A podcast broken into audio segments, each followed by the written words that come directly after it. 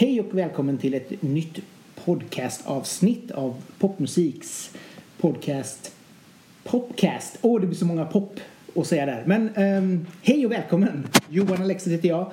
Eh, jag sitter hemma här i mitt vardagsrum tillsammans med Herman Olvik. Eh, som även är känd som ja, Olvik. Jag antar det. Olvik. Uh, ja. Över 100 000 lyssnare varje månad på Spotify. De debuten This Life har över 5 miljoner streams på Spotify och är just nu aktuell med singeln You Got Me som släpptes i slutet på september. Ja. Stämmer bra det. Ja, välkommen. Ehm. Tack, tack du ha. Det är roligt att vara här. Kul att du tycker det. Du har ju redan fått kaffe och sådär så att förhoppningsvis ska du vara nöjd och glad. Jajamän, det känns härligt. Ja, men jag tänkte vi börjar inte med musiken utan vi börjar lite grann med någonting som känns som din andra hobby eller eller sport kanske man kan säga. Mm, ja, ja. Ja, nu förstår jag vad du menar. eh, för det känns inte som om att... Det känns som att du har... Eller är det fortfarande friidrott som är stort? Eller det, är det bara musik? Det är det faktiskt. Alltså, jag, jag tränar ju fortfarande fem gånger i veckan eh, i en elitgrupp. Där jag hoppar höjdhopp och tävlar i SM och har möjlighet att tävla nordiska mästerskapen och även Finnkampen har jag sprungit någon gång. Och, eh, jag har tävlat mest i höjdhopp och så har jag kört lite sprint också. Eh, typ 100 meter och så.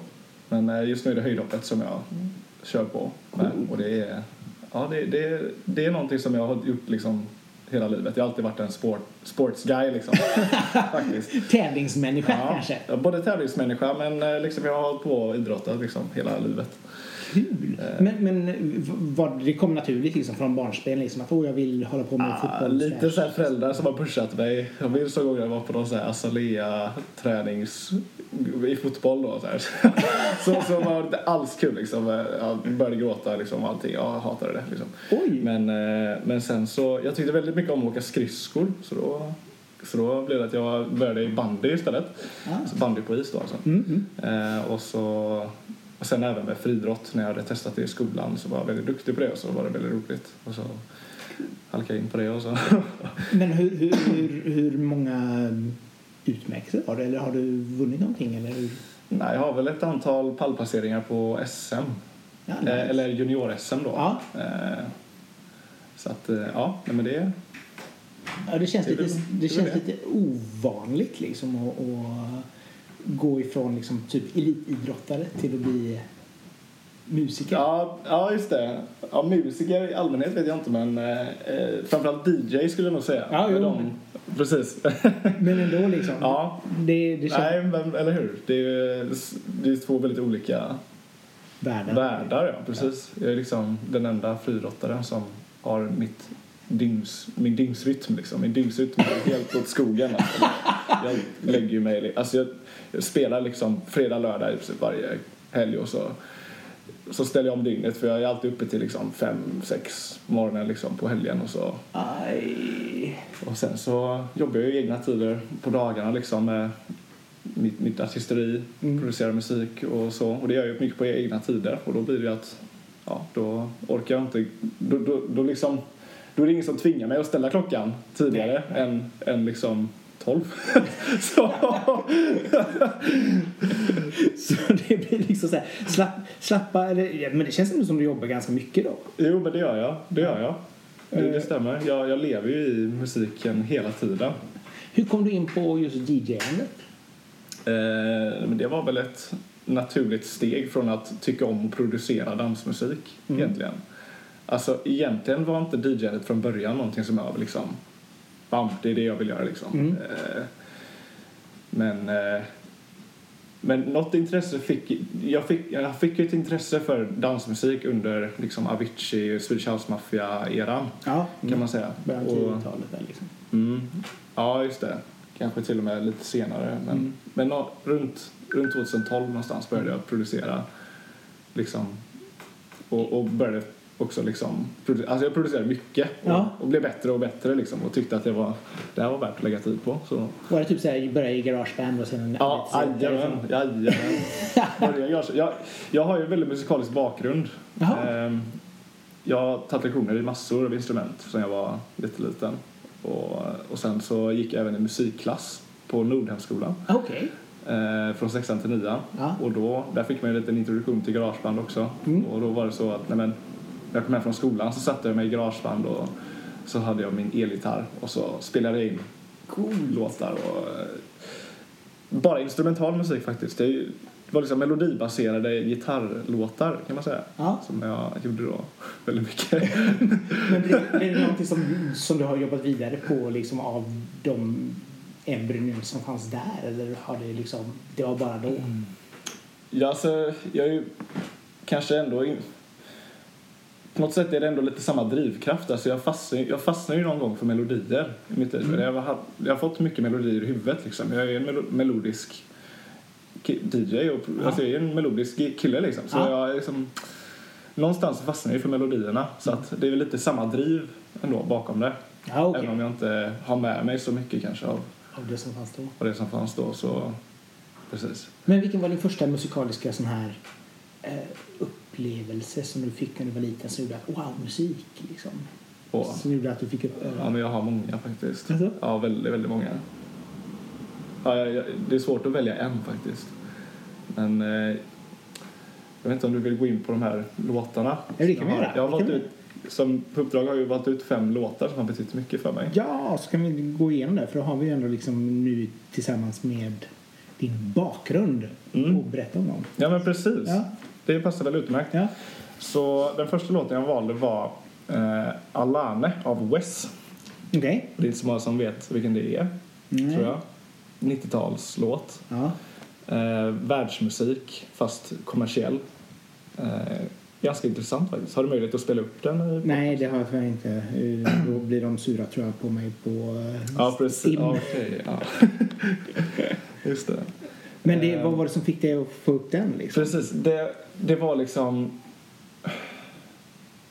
Jag tänkte inte så mycket på att det var, att det var någon speciell låt. Jag, jag har varit introdu- introducerad till väldigt, till, en, till väldigt mycket olika musik Ja. sen jag var liten. Mina föräldrar har lyssnat väldigt mycket på olika musik. Alltså disco, eh, världsmusik och klassisk musik Mm. och även housemusik och allt möjligt faktiskt. Så jag har varit introducerad till och, och när jag var liten så var jag liksom, nej men jag lyssnade på det jag tyckte om och det, den här låten Alane av West var någonting som jag bara, den ville jag lyssna på när jag kom hem från, Ah! från förskolan liksom. Så det var något med rytm, rytmen och känslan i den? Rytmer och framförallt gladheten i den. Jag har alltid gillat glada och upplyftande musik. Mm. Så det var, den har alltid varit en sån, det var en sån riktig hit för mig när jag var liten. Kul! Som ingen annan Ja, det var liksom inte smurfigt liksom. Det, det, var, det var ingen annan som lyssnade på det. Det var liksom ganska sofistikerad eh, musik för att vara så liten. Jag tycker Ja. inte. Eh, Nästa låt då? och nästa låt sk- skulle jag säga, det var också ett stort steg i mitt, liksom, mitt utvecklande. Eh, Så var det, vilken av dem kommer sen? Jag måste tänka vilken som kommer sen. Men det är nog Cliffs of Dover av Eric Johnson Mm. som är en gitarrlåt. Ja. Det har väl lite det där gitarrbaserade som Ja. jag var inne på när jag var i garageband. Ja. Eh, Det är en gitarrbaserad låt som är, bara består av melodier. Hela låten. Det är bara en sologitarr genom hela låten.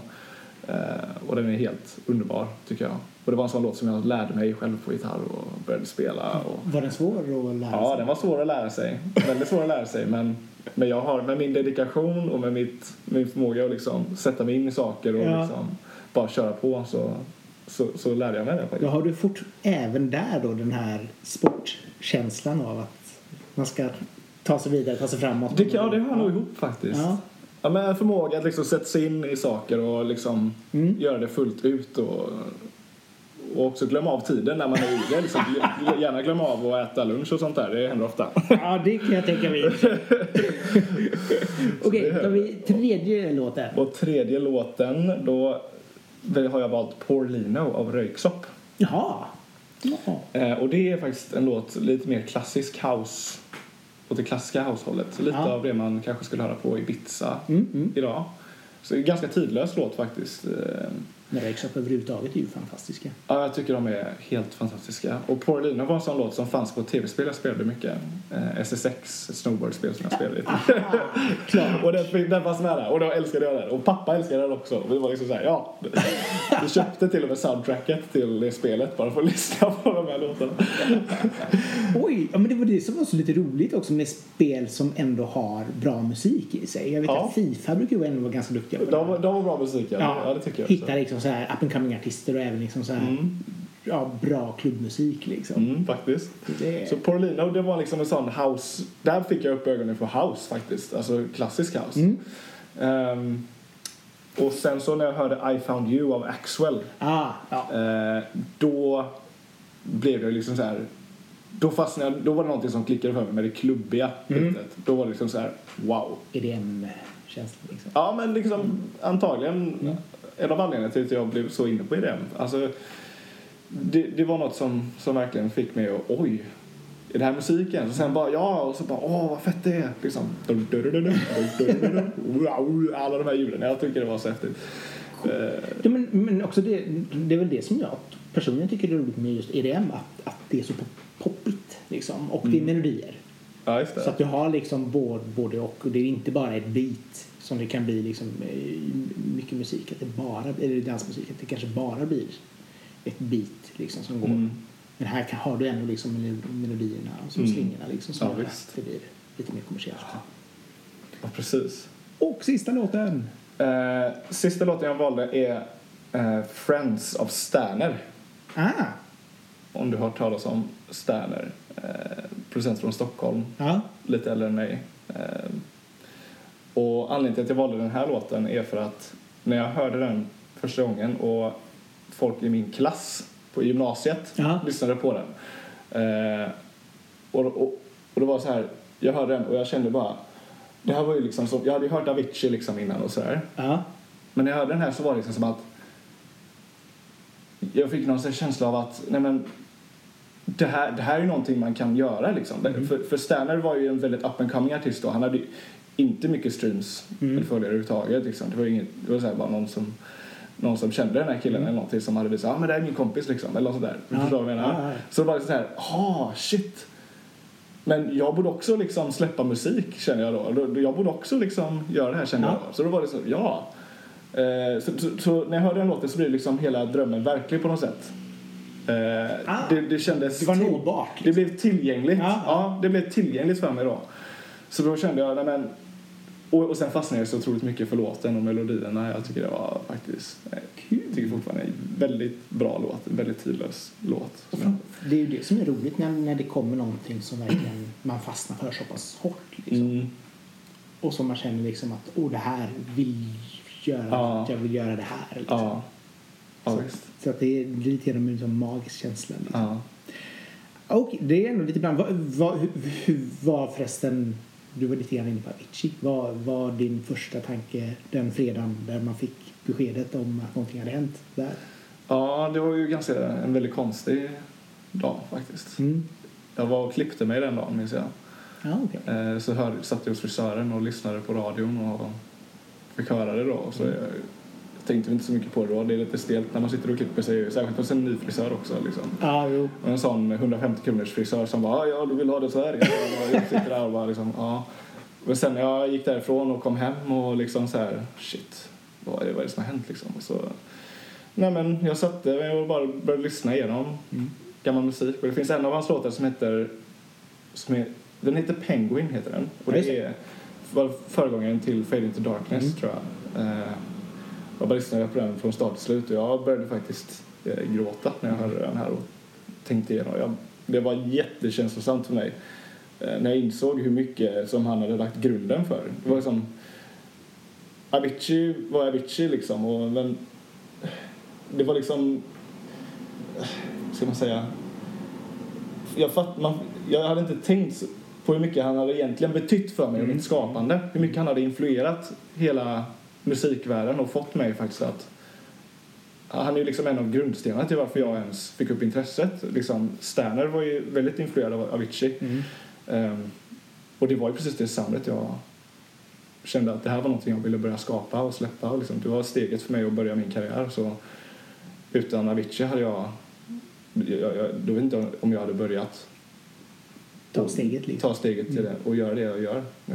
Så, så det var ju väldigt Mm. känslosamt på alla sätt. Det kan, och samtidigt så det är det som har varit så otroligt med Avicii att han som sagt var, han var också mästare på melodier och arrangemang framför allt. Att få till det på ett, på ett snyggt sätt och framförallt på ett sätt som gjorde att han kunde ta olika genrer, mixa ihop dem och göra det tillgängligt för alla liksom. Jag Mm. menar det, Ja, det, det var ju låtar som, som alltså från farmor till lilla barnet tyckte om. Liksom. För att det, det ändå funkade så pass bra. Liksom. Ja. Och även om man inte gillade typ dansmusik så tyckte man ändå liksom att ja, men det här var ändå, ändå bra. Liksom. Mm. Så att ja, nej, det var eh, otroligt, otroligt duktig producent framförallt.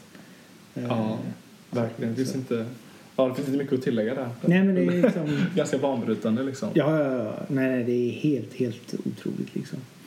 Så, att- men detta var då där, men du släppte din första låt 2014 Mm, stämmer.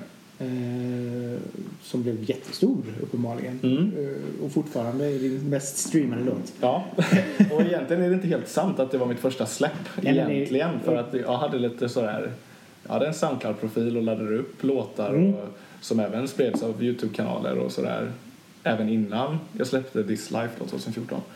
Eh, där jag liksom sökte feedback av Mm. andra producenter och Jo, så, så är det ju många. Men just det här att man släpper sin första... Den första singeln brukar ju alltid räknas med den första som släpps kommersiellt. Alltså Mm. de stora streamingtjänsterna. Mm, ja, men jag hade faktiskt några Spotify-släpp där också. Jag Ah, tror, okej. jag faktiskt, men när This Life kom så kände jag att då ville jag ha en, någon slags nystart. Ah, jag okej. hade lite identitetskris Kris. där. Ja. Vad var, på vilket sätt? Eh, men jag kände väl att när jag släppte, till, jag släppte en låt som heter Göteborg. Eh, och en som heter Stockholm. Som jag, ja, det, vadå? Kan inte en låt heta Nej, nej, det är klart att det. Varsågod. Men det, det var liksom... Alltså i de åldrarna liksom, när man, när man förändras så mycket som person så blir man ganska allergisk mot den man var för två år sedan. Ja, jo, det är sant. Det är sant.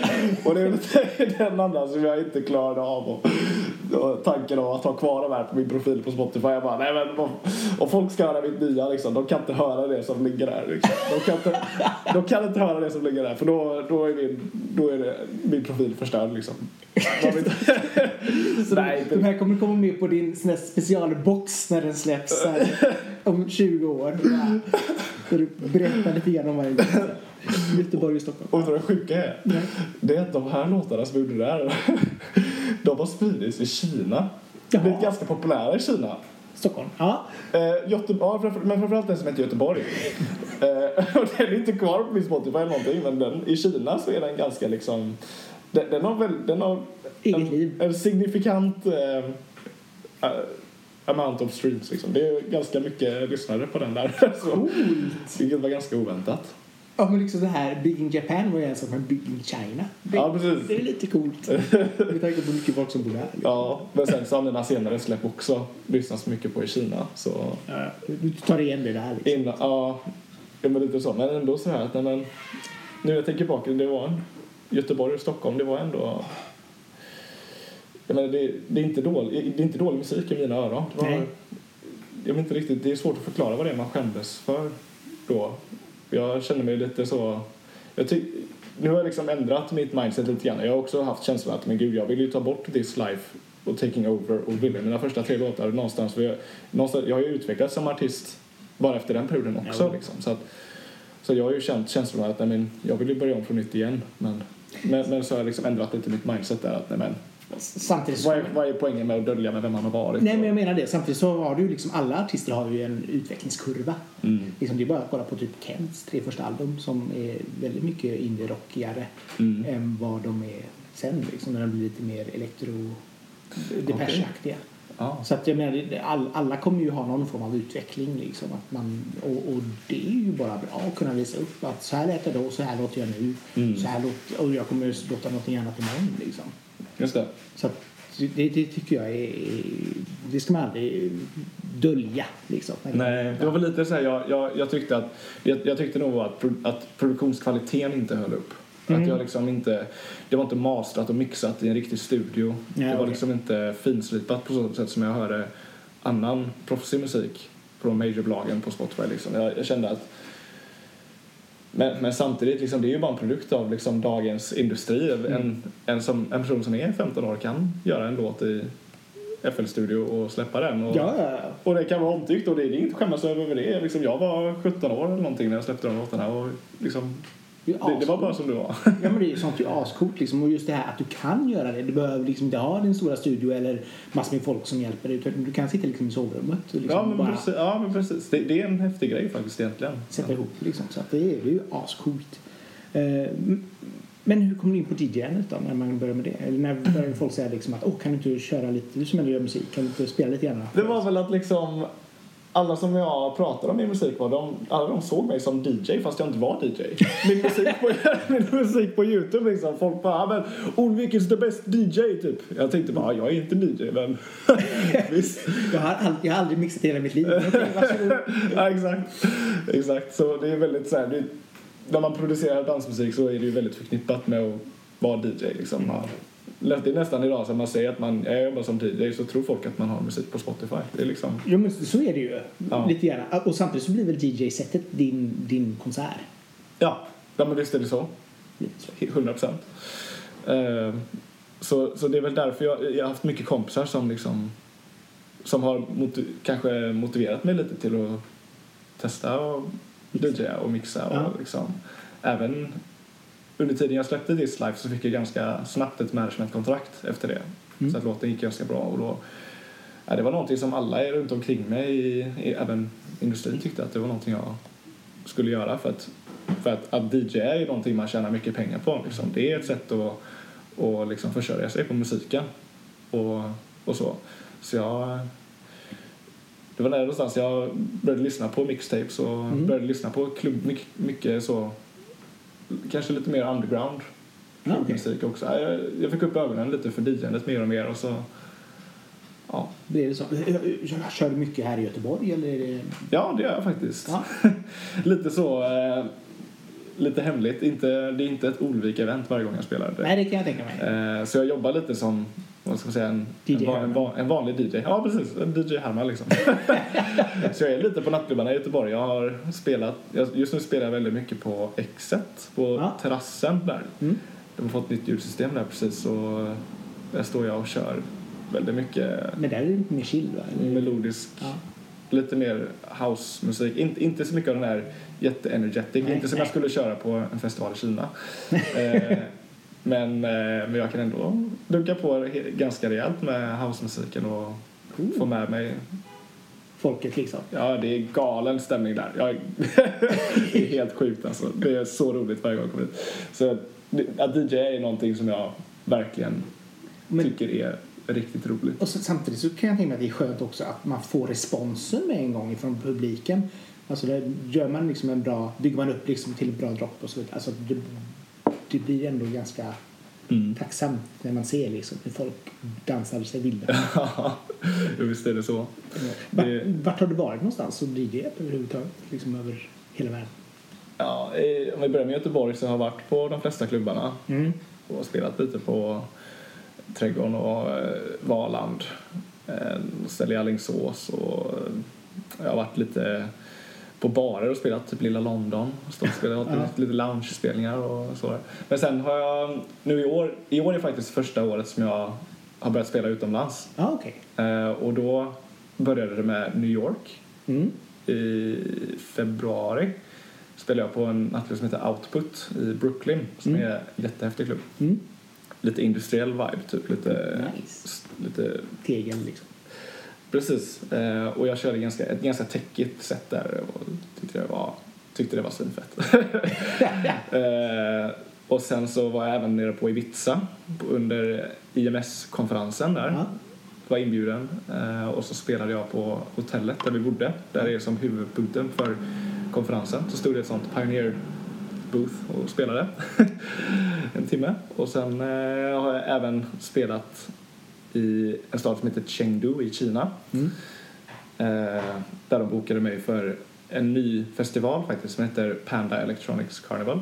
Coolt. Där spelade tillsammans med Kashmir, Quintino och Headhunters, The Fat Rat och Wolfpack var där. Och, och så, det, de, det var ändå lite stora namn de hade bokat in där och jag stod och spelade. Var du lite såhär starstruck liksom? Åh oh, nej, det helt, helt klart var det. måste en selfie. ja, verkligen. Det, var, det, var, det kändes ganska... Från att liksom, jag menar, mitt gig på både Ibiza och i New York var ganska liten skala om man Ja. jämför med det här. Det här var liksom 5000 pers i publiken som bara stod med Ordvik-skyltar och bara liksom var helt crazy. Jag signerade folks kroppar och jag Oj, jag fick massor med teddybjörnar som hade... Och, Ja. ja, faktiskt. Så det var ett ganska, ganska stort steg från, från det jag gjort innan. Från lilla London liksom. Ja, precis. Precis. Vilken, vilken, blir det något mer? Ska du, nu är du i Amsterdam här om några veckor i och för sig. Ska du vara på mycket mer? Mm. Precis, då, då har jag varit ett litet gig på en privatfest ihop med Terry B då, som jag jobbar med, som är en fantastisk sångerska i housevärlden. Ehm, ska träffa lite bokningsagenter förhoppningsvis. Särskilt från Kina då, i och med att jag har lite saker på gång där. Jag har, jag, jag har signat med en bokningsagent i Shanghai faktiskt. Cool. Som, Så hjälper som hjälper mig att marknadsföra mig och få in spelningar. Och nu har vi faktiskt jag var faktiskt uppe sent i natt och skrev på kontraktet för EDC Guangdong faktiskt. Eh, Så jag ska spela på EDC den 25 november i en stad som heter Zhuhai i Kina. Som är, som är ett Insomniac-event. Så det är, det är riktigt EDC och så, så det känns jättestort för mig verkligen. Ja, det, det är stort. Så att, grattis. Tack så mycket. Helt vansinnigt. Liksom. Bara, ja, en liten sprallig kille från Göteborg som helt plötsligt ska spela i Kina. Ja. Ja, precis. ja. Nej, men jag, jag, är- jag, jag är inte som... Jag vet många DJs har ganska mycket hybris och ganska mycket... Folk är ju DJs för att de tycker att de är bäst och coolast. Och Mm. folk, det är ju där folks intresse ligger ofta som DJs, vad jag har märkt. Alltså, Att synas är mer viktigare eller än mindre. Ja. Ja. Men jag känner mig helt och hållet som en musiker. Mm. Jag, är- jag är inte där för, för att jag tycker att det är... För att jag ska få tjejer eller något sånt. Eller du fattar vad jag menar liksom. Jag, jag är ju där för att... Jag är där för att jag brinner för musiken och jag, jag älskar att bygga upp och göra, ge publiken den här musikaliska resan och bygga upp allt det här, göra mina mashups och sitta och noga liksom, och producera saker i förväg och bara leverera liksom. Det, det, det, det är vad jag brinner för liksom. Jag, Har du någon låt som du alltid måste ha med när du ska göra ett DJ-set? ja, det funderar jag på. Som inte är din egen. Liksom. Men just... Ja, just det. Ja, men det, det, är ändå, det är ändå mina egna mashups. De, jag har ju inte producerat dem från grunden. Jag har ju mest lagt till, hittat underground-spår som jag spelar Mhm. eh, och lagt på lite a cappellor som folk sjunger med i. Ah, smart. Eh, och då har jag lite... Någonting som jag har börjat göra som jag, på senaste tiden som jag tycker väldigt mycket om och får extremt bra effekt. Mm. Jag, jag är väldigt inne på disco just nu i min personliga så här, musikaliska... 70-talsdisco eller liksom disco-disco? eller 80-tal Moroder? kanske? Ja, men, nej men typ. Jag, jag skulle säga den diskon som är som ändå spelas på Ibiza just nu. Man ser klubbar som Ibi- eh, på Ibiza, typ eh, Glitterbox. Ja, Vet du vilken klubb det är? Nej. Det är årets klubb Ja. 2017 eller någonting. Eh, så är det väldigt mycket disco. Mm. Och det är disco house. Det, det är ganska houseig disco. Ja. Så att det är... Eh, och det är någonting som jag är väldigt inspirerad av. Artister som Joey Negro, Mm. ja. Angelo Ferreri, MK. Eh, MK skulle jag också säga. Han är mer... Han är inte så mycket disco. men Det är mer, det är mer house. Ja, det är house. Men det är, det är lite i samma sfär faktiskt. För att det, är, det är mer åt det traditionella hållet. Ja. Vilket jag känner mig väldigt eh, influerad och inspirerad av just nu. För, det är ganska mycket sån musik jag spelar just nu när jag spelar, när jag spelar ute på klubbarna. ja, för du, du skrev ju när, när jag bara skrev lite grann om, om nya singeln så var det lite grann det här Daft Punk-inspirerade. Och då är det ju ändå Mm. disco-ish. Liksom. Ja, men visst är det det. Det som de har Absolut. också. Så att, eh, Ja. Ja, visst är det så. så. kul. ja, Så jag är fast i det melodiska fortfarande men hittat en slags melodisk eh, vibe inom Mm. diskon. Och jag, jag, vill, jag vill särskilt nämna Todd Terje mm. ja. från Norge. Norge. Precis. eh, hans typ av melodier och så är jag... Jag tycker det är fantastiskt liksom. Och det är, det är liksom så, i min värld så, så låter det så Melodier kan vara barnsliga liksom Mm. i min värld men, men Todd Terje har verkligen fått en melodi som som borde varit barnslig om, om någon annan än han hade gjort Mm. någonting sånt så, så hade det varit barnsligt. Men när han gör det så låter det så sofistikerat, det låter så snyggt, det låter så tillgängligt och det är så... Jag vet inte hur man ska förklara det riktigt. Det är, det är liksom på ett sofistikerat sätt Ja, ja, vis som jag, ja. jag tycker det är så fint liksom.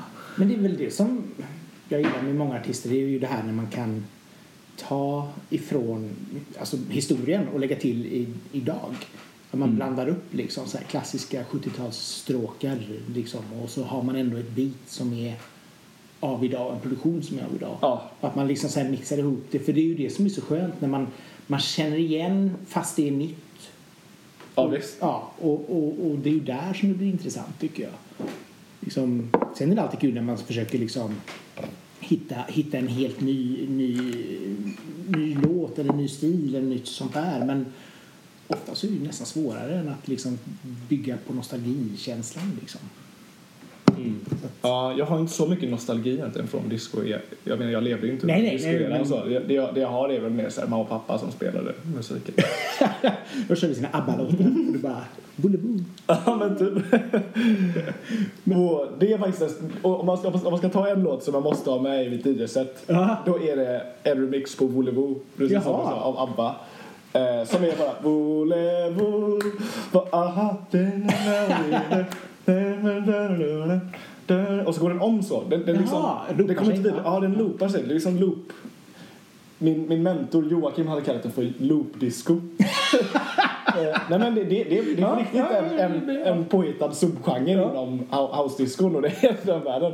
För det är ganska många låtar som är baserade på det. Det finns en populär låt just nu som jag såg på listan på Spotify som heter Pick Up av DJ Coase. Ja. Eh, och det är också en sån loop-disco-låt. För det är, det är liksom en disco-loop som är samplad och så är det ett beat och så Kör den om och om. och så, ja, den kör man om och om igen. Men man kommer djupare och djupare in den hela tiden och så byggs det på med andra element. Och så jag tycker det är en väldigt, väldigt häftig typ av struktur. Och liksom. Coolt. Så att, eh, ja men den låten är jättebra. Eh, jag kan inte komma på, Char- jo, Charles J heter producenten som har producerat den här ABBA-grejen. Ja, ja. Så big ups till honom. Jag tycker den är helt klockren. Och den spelar jag varje gång.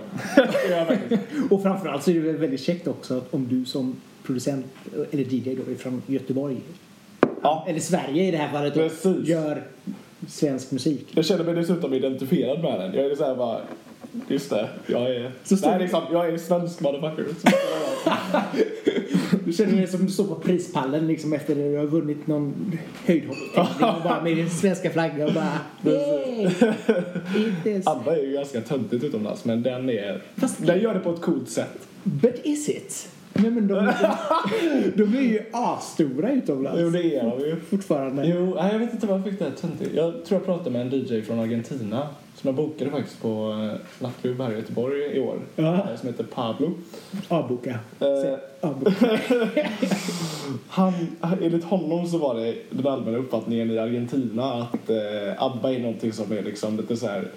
Folk lyssnar på det, folk tycker att det är bra men det är också lite så här halvt, mm, det är ju lite töntigt liksom. På något sätt. Det är lite grann så. Så har det i och för sig varit här i Sverige också. Det här att ABBA var, när de var, när de var så var det inte coolt att lyssna på ABBA. Men, Alltså? ja, men sen så, alltså från 90-talet och framåt så har ju ABBA exploderat. Jaha, alltså, är det sant? Det är så mycket ABBA så att det finns inte. Men samtidigt, ja. Men, men- men jag, kan, jag kan förstå att det är många som ändå tycker att de är lite menlösa. Men det var intressant här, det visste inte jag. Jo. Att de inte var populära liksom när de kom utan det blev liksom Jo, alltså de var, de var ju så ganska, ganska stora ändå, men de var, var ju aldrig liksom så här superstora liksom, i, i Sverige. okej. Nej okej, men det är intressant alltså. För det, för det var lite vissa hade den här, ja, ja men ABBA, det var inte, det var inte bra. Det var ju Ja. kommersiell pop, usch. Okej. Så att- Nej men det är intressant. Så att det, det, men vi har haft extremt, de har haft, alltid varit extremt stora i till exempel Australien.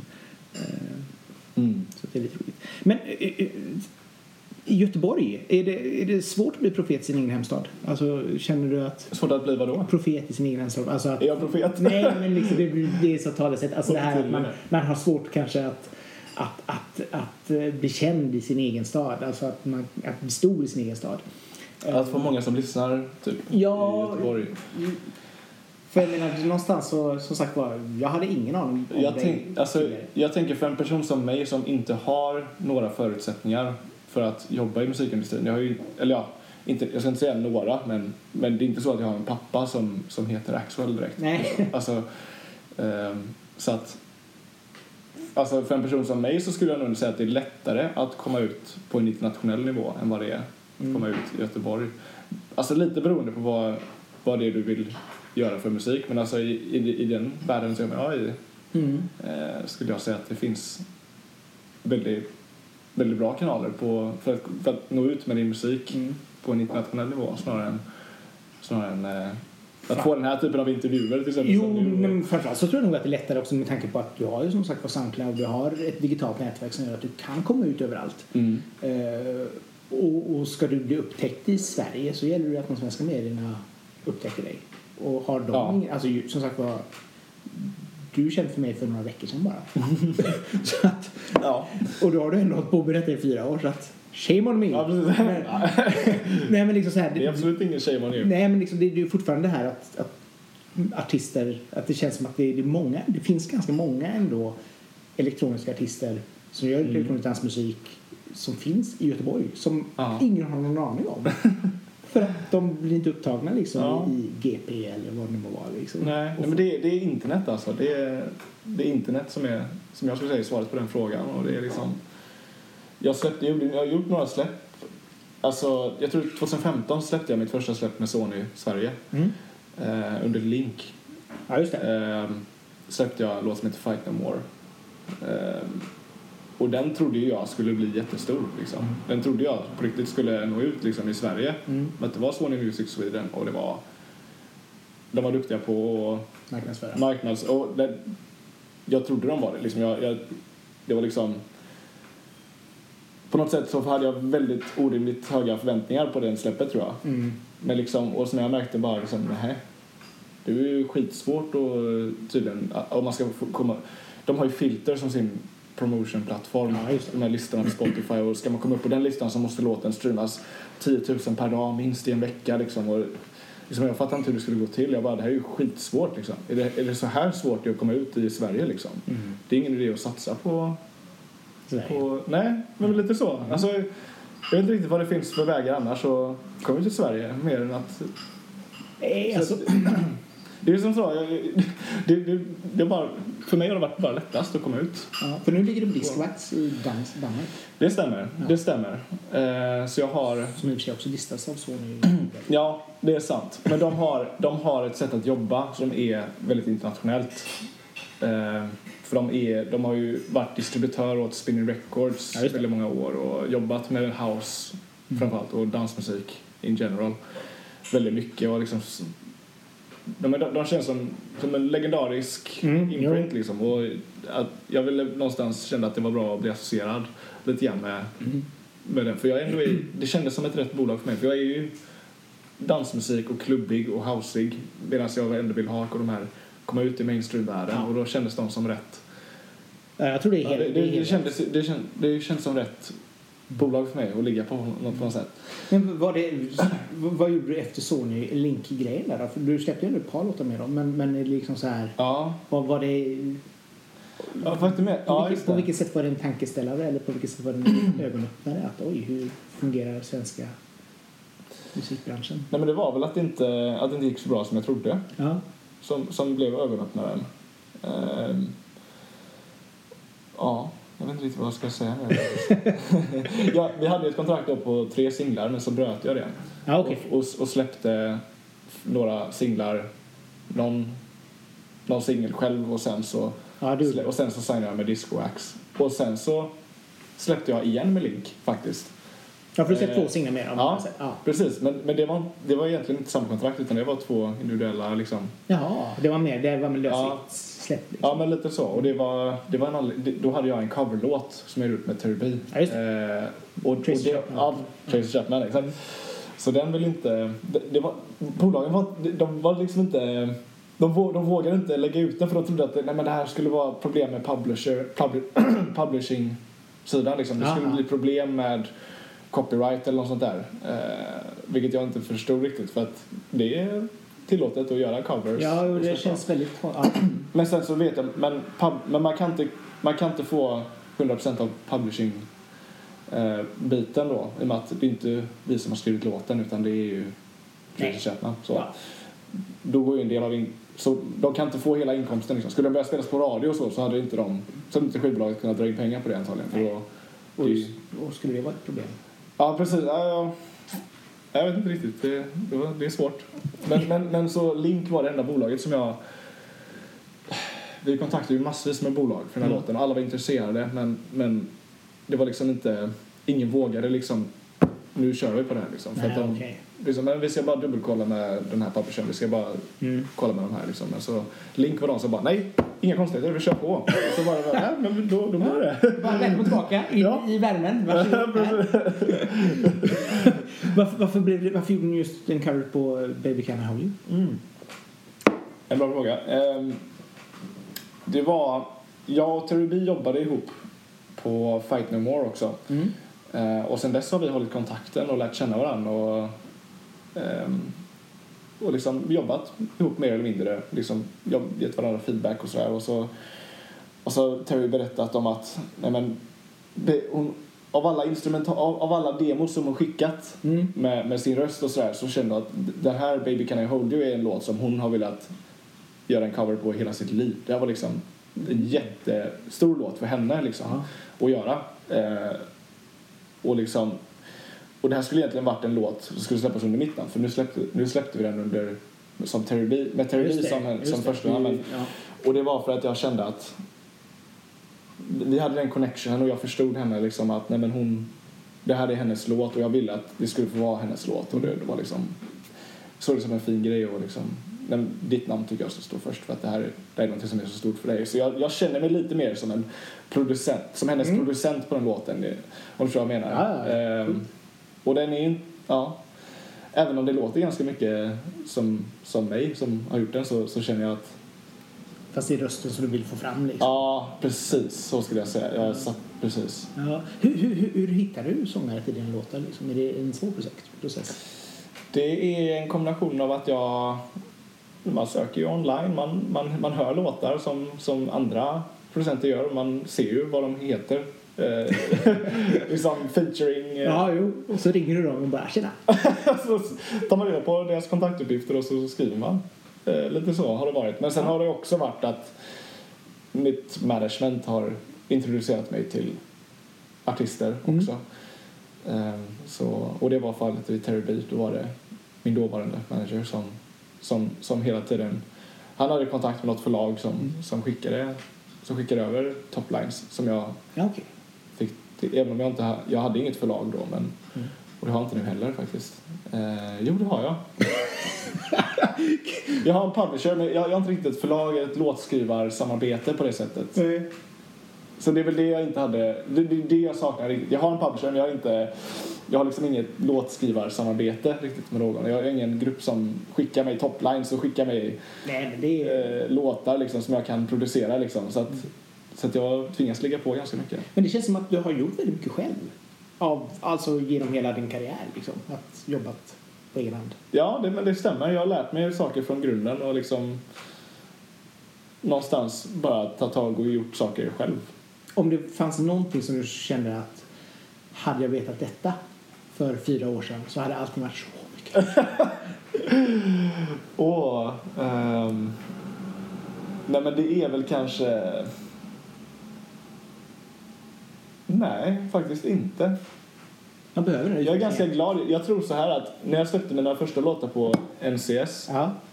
No Copyright Sounds, eh, så gav, ju- gav ju det otrolig spridning och liksom möjligheten för mig att försörja mig på det jag gjorde. Liksom. Och, jag, och jag minns att någonstans så tänkte jag att gud vad pinsamt att jag har släppt med NCS för det är inte riktigt rätt scen för mig. Det är inte, rätt, det är inte riktigt rätt kanal för mig att ligga på för jag vill inte vara riktigt den NCS-sfären för då, då blir man liksom en Youtube eh, mm. Och det finns massa producenter som är som är liksom NCS som Youtube-musiker som, som inte riktigt når ut i DJ-branschen på det sätt som jag vill göra. Mm. Eh, och som inte riktigt... Jag vet inte, det, det, var någonting med den världen som inte jag kände mig riktigt hemma i. Det, det liksom, man söker på Olvik på Youtube och så kommer det upp typ tusen videos med liksom anime eh, och manga-grejer. Oj! Och, så här, det, och, och, väldigt mycket gaming också. Det är liksom Minecraft och det är League of Legends och det är allt det ena och det sjunde du vet. Och där min musik används. Och jag blir förknippad med allt det här liksom. Jag blir förknippad liksom med massa League of Legends-spelare. Alltså, fråga mig inte vad men, men men någonstans så var det liksom bara, jag vill ju vara DJ liksom. Så kom, nästa DreamHack kommer du få vara med så, och sitta på en tron och bara, jag ska musik. Ja, precis. Ja, men precis. Den, det, det såg jag framför mig och det blev jag lite rädd av. så tänkte jag, nej men gud. Jag, så att någonstans kände jag att jag, jag hade velat veta om vad det var jag gick, jag gick gav mig in på lite grann när jag mm. släppte med dem. Ja. Men samtidigt idag, så det har jag känt väldigt länge, mm. att det, det, det ångrar jag lite grann. Men men samtidigt, idag känner jag att man, jag hade inte haft samma spridning, jag hade inte haft samma förutsättningar att lägga så mycket tid på musiken. Hade, för att jag hade inte dragit in pengarna så jag hade tyckt att det var värt det. Liksom. Så någonstans så vågar inte jag svara riktigt på om det är någonting jag ångrar för att någonstans har det gått bra och ja, det är liksom av en anledning. Allting och, har lett till det andra liksom. Ja, men lite så ja. Så att jag tycker saker har kommit ganska mycket i, i rätt ordning för mig hittills. Och jag har ju möjlighet att försörja mig idag och liksom jag känner att jag är på en stadig kurva uppåt och bara lär mig mer varje dag. Kul. Och, eh, Vad tycker du är din, just nu liksom så här, din, ditt signum eller det här, det här gör jag väldigt bra liksom, när du ska sätta ihop en låt? Mm. Jag är väldigt bra på att bygga själva låtgrunden.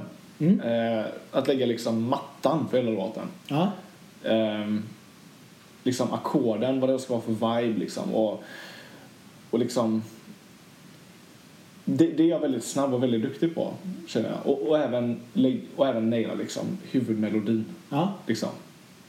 Liksom huvudsakerna. Sen, sen, sen, sen känner jag mig inte lika duktig på att dels mixa och mastra mm. eh, och även att få till ljud Alltså att få den här riktigt feta ljudbilden. Jag, alltså, jag, har ju, jag tycker själv att mina låtar har väldigt bra ljudbild på senaste tiden men, men det är någonting jag känner att det, det är någonting jag är mindre bra på. Mm. Att få till själva de här produktions, produktionstekniska delarna. Mm. Liksom. Det här audio engineer-delen. Mm. Jag, jag, jag, känner att jag hade nog, hade jag fått välja så hade jag jobbat med en ljudtekniker med varje låt.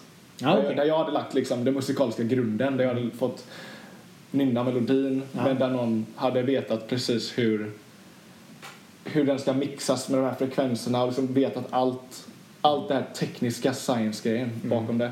Jag har ju mycket, finns det mycket plugins idag som hjälper mig mm. med den typen av grejer och jag tycker egentligen är det, det, det är inget problem för mig. Jag, men, men någonstans känner jag att det är någonting som jag hade velat vara bättre på. Ja. Så, men så det jag är duktig på egentligen alltid musikaliska. Liksom. All, all, all, och det jag tackar min musikaliska bakgrund för. Liksom känslan för ackord, känslan för melodier. melodier. Det kommer liksom naturligt.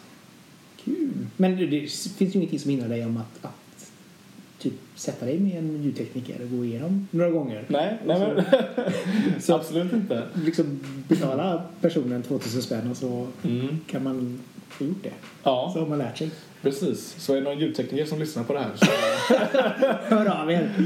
Så, ja, men, det, men, men sen så vet jag inte riktigt hur jag vill jobba med ljudtekniker heller för jag har ju haft mina låtar mastrade av professionella uh, ljudtekniker men, men inte riktigt mixade så, alltså element för element och liksom nej men den här, byt ut den här trumman mot den här för, mm. för då får du då får du den här känslan liksom. Jag, Sen behöver man kanske inte bli färgad av en person liksom så heller. Att nu ska det vara precis så som den här personen alltid gör. Men just det här att kanske få lite tips. Bara grund, grundläggande tips. Ja, men lite så. Det, det, hade mm. kanske, det är ju aldrig fel. Nej. utveckla dig. Liksom. Ja, precis. Eh, jo, men eh, finns det någonting som du brukar bli inspirerad av som gör att åh, nu såg jag en cool film och då fick jag en melodi i huvudet eller nu gjorde jag det här och så fick jag en melodi i huvudet. Kommer det på något sätt så eller Ja, hur, hur grundar sig dina låtar? jag tror faktiskt det är under träningen, när jag tränar. Man tänker efter faktiskt. Bara... Ja, det är någonting när jag, alltså jag, jag springer och tränar och hoppar och eh, styrketränar och gymmar och allt möjligt i samband med höjdhoppet. Och någonstans är det under de här meditativa stunderna, Mm. träningen, som jag måste ha någonting i huvudet och liksom gå in i på något sätt. Och då får jag ofta melodier i huvudet faktiskt. Av någon anledning. Så jag har ofta, någonstans kommer det under när jag rör på mig mycket, liksom, när, jag, när jag är väldigt engagerad, när jag är väldigt mycket uppe i varv, liksom, när jag har mycket energi typ. Det kan också vara när jag lyssnar på glad musik typ. Det är också en sån grej, då blir jag, när jag blir väldigt aktiv liksom. När jag blir väldigt så här hög uppe i Ja, ja. varv. Så då får du sp- springa bort och ta fram, du får alltid ha med dig mobilen och kunna spela in liksom en sån. Ja, det har jag Nej, faktiskt. nej, nej. Jag har många inspelningar. Det brukar vara det. ja. Så voice memos bara. ja. Eh, du var en av de, eller en av de bästa remixerna någonsin uppenbarligen. Eller i alla fall av en Hazley-låt. När du gjorde New Americana. Just det. Hur, hur, det var en sån vanlig, vi, här har ni alla delar till låten, gör en cool remix, varsågod. Eller vad, vad var, hur, hur gjorde Nej, det var det inte. Ehm, folk tror ju det i och med att den har ju varit så populär och? Ja. folk ser den som en officiell remix. Jag, den är inte officiell någonstans. Den är, det är bara att Men du, hur, min manager hittade a cappellan online. Ja. Här, gör, du testar den här, gör remix. Den här låten är svinhet just nu i New York så den här borde du göra någonting med. Och, och det var liksom, jag gjorde ett draft på den på nej, men över dagen liksom. Ja. Bara i, princip hela låten liksom. En dussinlåt nästan i mina öron. Alltså, någonstans vill jag ha, bygga upp momentumet och ha, släppa musik och liksom Någonstans såg inte jag det som något slags genombrott någonstans. Eh, det var bara liksom Ja men en skön remix som ändå hade mina melodier som ändå som det var var du. jag minns inte riktigt hur jag tänkte men det, det var liksom bara det var en dussinlåt någonstans. Mm. Jag var inte särskilt hypad över den själv egentligen. Det var mer bara att av någon anledning så blev den bara väldigt populär. Fyra miljoner streams senare liksom. Ja, Helt vansinnigt. ja det är ganska vansinnigt faktiskt när jag tänker på det. Ja.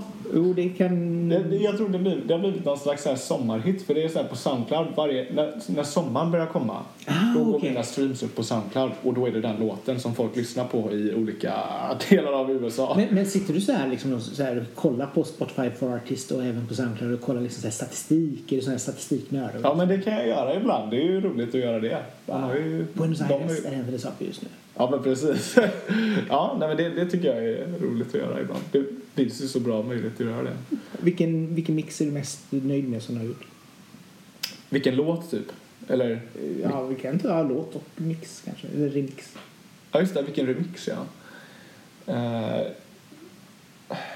alltså, det är svårt nästan att inte säga den remixen. Men jag, jag, det, det, det, Dussin-remixen. Ja, precis. Men jag är glad för att den blev så populär och allting. Men, men den som jag egentligen mer musikaliskt tillfredsställd och nöjd med är eh, min remix för Sunnery James, Ray Marciano. De hade en låt som heter Come Follow som släpptes med Spinning. Mm. Eh, som var här, Swedish House Mafia-kopia Aha. på låt ungefär kan man väl säga. Och, eh, men jag tyckte vocalen var väldigt, väldigt bra. Det, var, det, det lät precis som han John, eh, John Martin, vad heter han, som sjunger i Save the World och... Ja, just det. Ja, men han- Ja. Ja.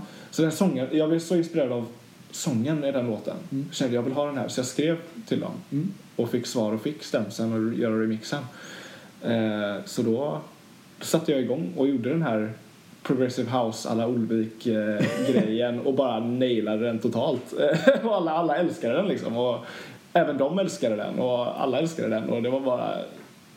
Nej, jag, var, jag var så nöjd. Och så självklart också så började de, i och med att de är eh, DJs som tourar världen hela tiden så spelar ju de den. De har spelat den på Tomorrowland, EDC, Las Vegas, Cool. Ultra Miami, eh, Tomorrowland, Brasilien. Alltså, de, den har spelats överallt. Coolt! Det måste vara en sån speciell... När ska du spela på Tomorrowland? Bra fråga. Eh, kan någon boka mig? Eh, Ozone. Konceptet på det. Ja, det, det, känns, det känns väldigt relevant för mig just nu när jag DJar så mycket och utvecklar så mycket. Mm. Eh, det är någon slags...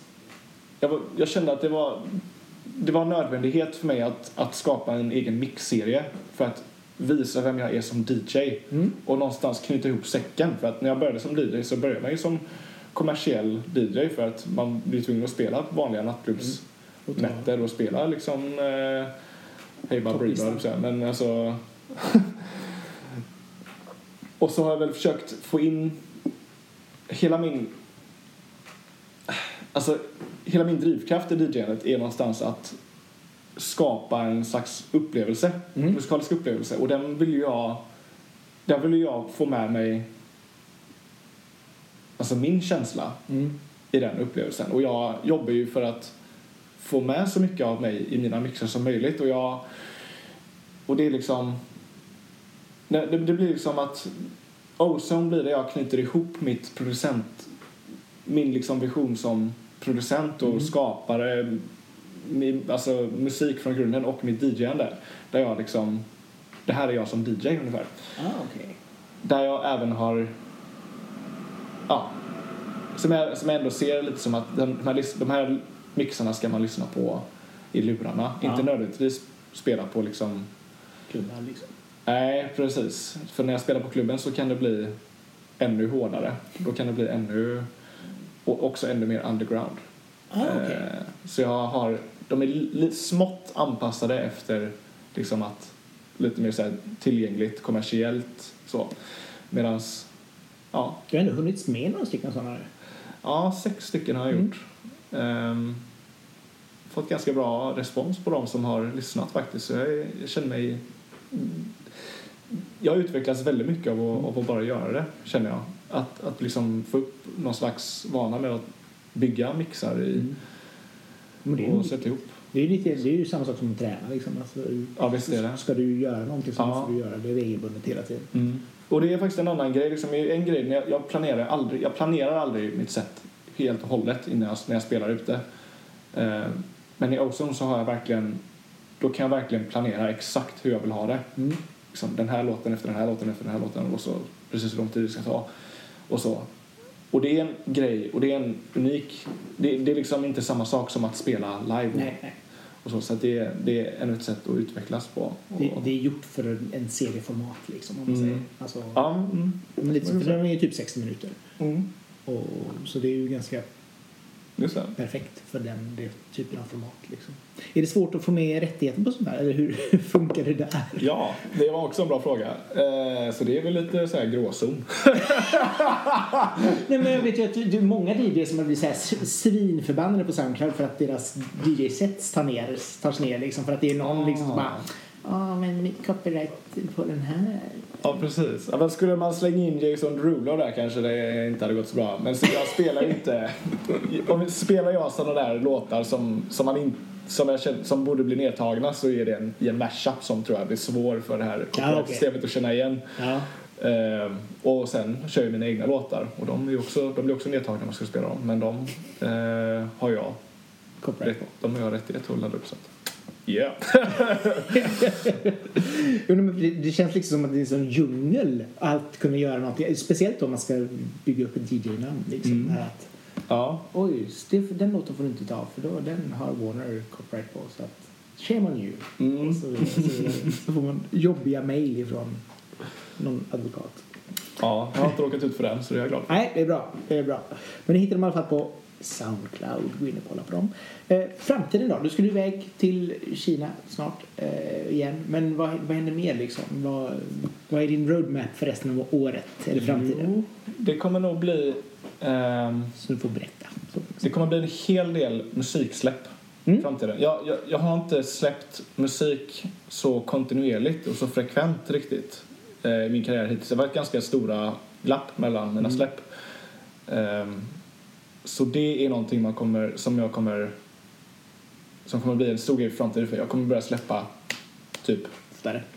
mer eller mindre hela tiden. och sen så ser jag också framför mig att jag kommer vara ganska mycket independent just för att kunna hålla igång och släppa så mycket som möjligt. För en av anledningarna till att jag, det har varit så stora glapp för mig har ju varit för att jag har försökt släppa med de stora bolagen. Ja. Ehm, och det, är liksom, det har varit bra på sitt sätt. Jag har haft tid att utvecklas och tid att tänka igenom mycket och se hur de jobbar och så vidare. Men, men just nu känner jag att det är viktigt för mig att bara släppa kontinuerligt och få respons på allting jag gör så att, så att jag kan komma framåt Mm. lite mer. Så det kan vara lite grann en börda att ha skivbolag i ryggen ändå. Liksom. Ja, men särskilt som en up and coming artist så känner jag att för mig är det viktigt att kunna hitta mitt sound och, det måste man, och då för det måste man släppa mycket och få respons och, och se vad som funkar och vad som inte funkar och även om en låt inte är 100% inte att, att skivbolagen inte skulle gilla den eller någonting man behöver, man behöver få den responsen själv någonstans för att liksom Och samtidigt så känns det ju som att, jag menar nu kan du ju ladda upp en låt direkt till Spotify. Ja, precis Och du kan, alltså visst du kan ju använda för att komma upp till Apple Music och de andra också och jobba med Soundcloud eller Youtube eller vad det nu var. Men jag menar du kan göra så pass mycket själv och har du ändå en bokare som kan fixa dina live-gig mm. så har du ändå ganska mycket vunnet där också. För Ja, det är ju inte riktigt så att det, alltså bokare, alltså blir en, en låt populär så kommer den ändå hamna i en spellista på Spotify. Ja, det, precis. Och jag tänker att Spotify har så pass bra algoritmer nu Ja. för tiden. Skivbolag blir mindre och mindre Ja. aktuella faktiskt skulle jag säga. För, alltså särskilt för up and coming DJs. Jag, jag skulle säga att det, det som majorbolagen har som är bra är att de har pengar. Mm. Men är man inte en artist som redan har väldigt, antingen en väldigt stor fanbase eller liksom bara kanske en collab med liksom Zed eller Mm, mm. något sånt där. Ja, nej men exakt. Så- Då, då kommer de inte lägga så mycket pengar på det, i min erfarenhet. Eh, så att, och gör de inte det så känner jag att då är det lika bra att släppa independent för att Spotify är så pass bra. Mm. Jo, men det, det blir lite grann så här. Varför ska man lägga liksom, varför ska man få 15% på någonting som du har gjort 100% själv Ja. för att någon ska kanske pitcha in dig till en, till en spellista? Ja. Vilket är link Dessutom så har Spotify den funktionen nu också. Det har Ja. kommit jättenyligen. Ja, jag vet. Så att det blir lite grann så här. Ja, alltså skivbolagen. Visst, det är klart skivbolagen vill ju gärna signa upp så att de har en kontinuerlig inkomst. Men för Mm. artisten så är det kanske inte det viktigaste Nej. längre. Eh, Det kommer nog gå, gå ganska snabbt där tror jag. Ja, Mm. Till att bli en helt annan karta för skivbolagen också. Antagligen. Så att det ska bli jättespännande att se. Ja, verkligen. Eh, Men ja, det ska bli jättespännande att se vad, vad som händer med dig i framtiden. Det är jättekul att, ha upptäckt dig ifrån, ifrån, från Götlaborg. Det känns, det känns jättekul att, att få komma hit. Ja. Och särskilt när det är så nära också. Jag bor ju i Haga. Jaha. Eh, Så jag cyklar ju hit liksom. Så det är du och, och, och eh, Håkan som. Och Hellström som Ja, precis. Vi bor på samma gata faktiskt. Ja, du ser. Snart kommer du också vara på Ullevi. Och bara... Eller hur? Ja, eller ja, Summerburst kanske. Det borde du kanske fixa. Ja, Eller ja. det Det- gärna för mig. Om man säger så. Men jag kommer, jag, kommer, jag kommer fortsätta. Jag kommer åka ner till Amsterdam nu och träffa lite bokare och sådär. Så jag kommer försöka bara inte nödvändigtvis fokusera på att spela så mycket i Sverige.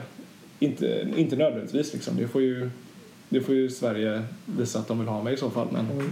men, eh, men jag kommer bara satsa på att göra mina spelningar och komma ut som DJ utomlands tror jag är en fantastisk grej. Ja. jag- Det är ju asgrymt liksom.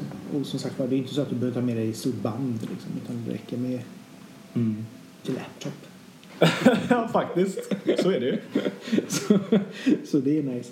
Men tack så jättemycket för att du tog dig tid att komma hit. Tack så hemskt mycket. Och till dig som lyssnade. Eh, jättetrevligt att du gjorde det. Och eh, fortsätt att följa eh, podcasten för att eh, få uppleva fler spännande intervjuer med ja, kända och okända och eh, kanske helt nya favoriter för dig. Tack så mycket. Ha det gott. Hej hej!